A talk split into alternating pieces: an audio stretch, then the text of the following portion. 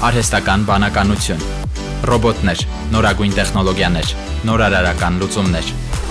IT շփաթ իմ ռադիոյի եթերում։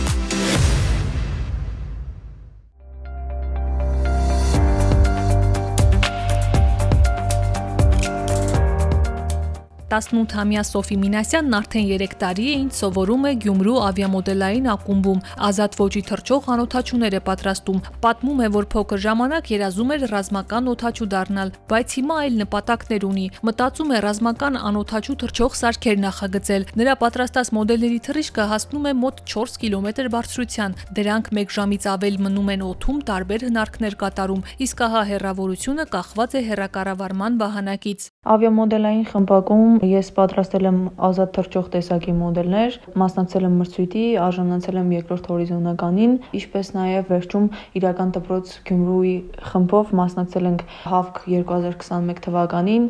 որտեղ տուժածի հայտնաբերում եւ փաթեթի առաքում անվանակարգում գրավել ենք առաջին հորիզոնականում։ Ավիամոդելային խմբակում պատրաստում ենք ինչպես հետախուզական, այնպես էլ տուրիստական, կենցաղային հարցեր լուծելու համար։ Խմբակում ունենք մոդել, որը հենաշարժողական ֆիզիկական խնդիրներ ունեցող մարդկանց համար է, իրենք կրում են ակնոցները, ակնոցների շնորհիվ ճանապարհորդում են, հետո տեսանյութը ստանում են, իրենց հետ վերցնում։ Այսինքն, եթե չեն կարող բարձրանալ օրինակ Արագած լեռը, իրենք ինքնաթիռով թռչում են Արագածի շուրջ բոլորը, նկարում են ու տեսանյութը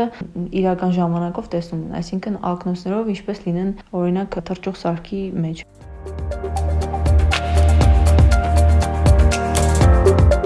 Սոֆին սովորում է նաև իրական դպրոցի 4-րդ կուրսում հմտանում ծրագրավորման աշխարհում, ցանկանում է համատեղել ծրագրավորումն ու ինժեներությունը, այսինքն եւ նախագծել եւ պատրաստել ԱԹՍ-ներ։ Ասում է, երբ երկնքում տեսնում է իր ձեռքով պատրաստած ավիամոդելի թռիչքը, նոր մտքերով է լցվում ու ցանկանում ավելի շատ աշխատել իր հմտությունները զարգացնել։ Սոֆին կարևորում է նաև թե ինչ արտադրության են ԱԹՍ-ների մասերը, ասում է, որ դրանք պետք է հայկական լինեն։ Հայկական ԱԹՍ-ների արտադրությունը շատ եմ կարևորում ու նաև կարևորում եմ, որ ԱԹՍ-ի բոլոր մասերը լինեն հայկական արտադրության, այսինքն եթե մենք դա գնենք Ուկրաինայից, Չինաստանից եւ այլից, մեր թշնամին կարող է շատ հեշտությամբ հնարավորություն ունենալ կարգավորել տվյալ սարքերը, բայց եթե այդ բոլոր մանր սարքավորումները պատրաստած լինեն հենց Հայաստանում, միայն մենք մեր հայերով կարող ենք հնարավորություն ունենալ դրանք կառավարելու։ Այսինքն, եթե չինական լինի, չինացիները գիտեն ինչպես են պատրաստել ու հեշտությամբ կարող են դա խափանել։ Իսկ եթե մենք պատրաստած լինենք, գաղտնիքը չեմ կարծում, որ բոլորը կարողանան հասկանալ։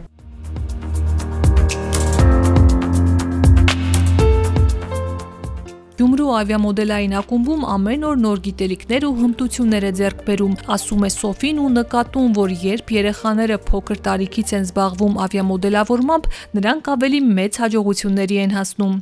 Ավիամոդելային խմբակում աղջիկներ կան ավելի տարիքով փոքր ինձնից։ Այսպեսի մի բան ասեմ, եթե երեխաները լինում են ավելի փոքր տարիքի, օրինակ 8 տարեկանից են գալիս, այդ երեխաները ավելի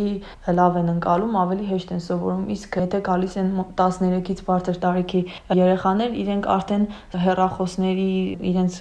հերախոսների մեջ են, դժվարությամբ են կարողանում այնպես անել, որ իրենք սիրեն այդ գործը, իսկ երբ որ երեխաները լինում են փոքր տարիքի, ավելի հեշտությամբ են սովորում։ Իմ հասակակիցներին խորհուրդ կտամ ամեն օր, երբ որ իրենք քնում են, դրանից առաջ մտածեն, թե այդ օրը ինչ են արել իրենց ու նույնիսկ շատ կարևոր է, որ իրենց ազգի համար խորհուրդ եմ տալիս իրենց, իրենց մեջ գտնեն, թե որն է առաջնային, որը երկրորդական ու իրենց գործերը դասավորեն այնպես, որ իրենց օրվա ընթացքում ավելի շատ առաջնային ու կարևոր գործեր անեն, քան երկրորդական գործերը։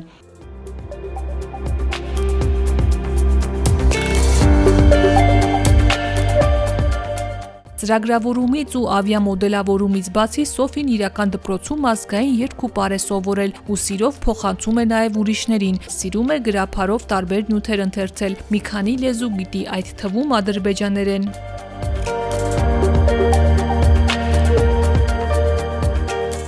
Թռչնի թռիչքը միշտ է գերել Սոֆին, գուցե հենց դա էր պատճառը, որ սկսեց զբաղվել ավիամոդելավորմամբ, թռչնի ճախրանքի բարձրության հասցնելով իր ստեղծած անոթաչուները։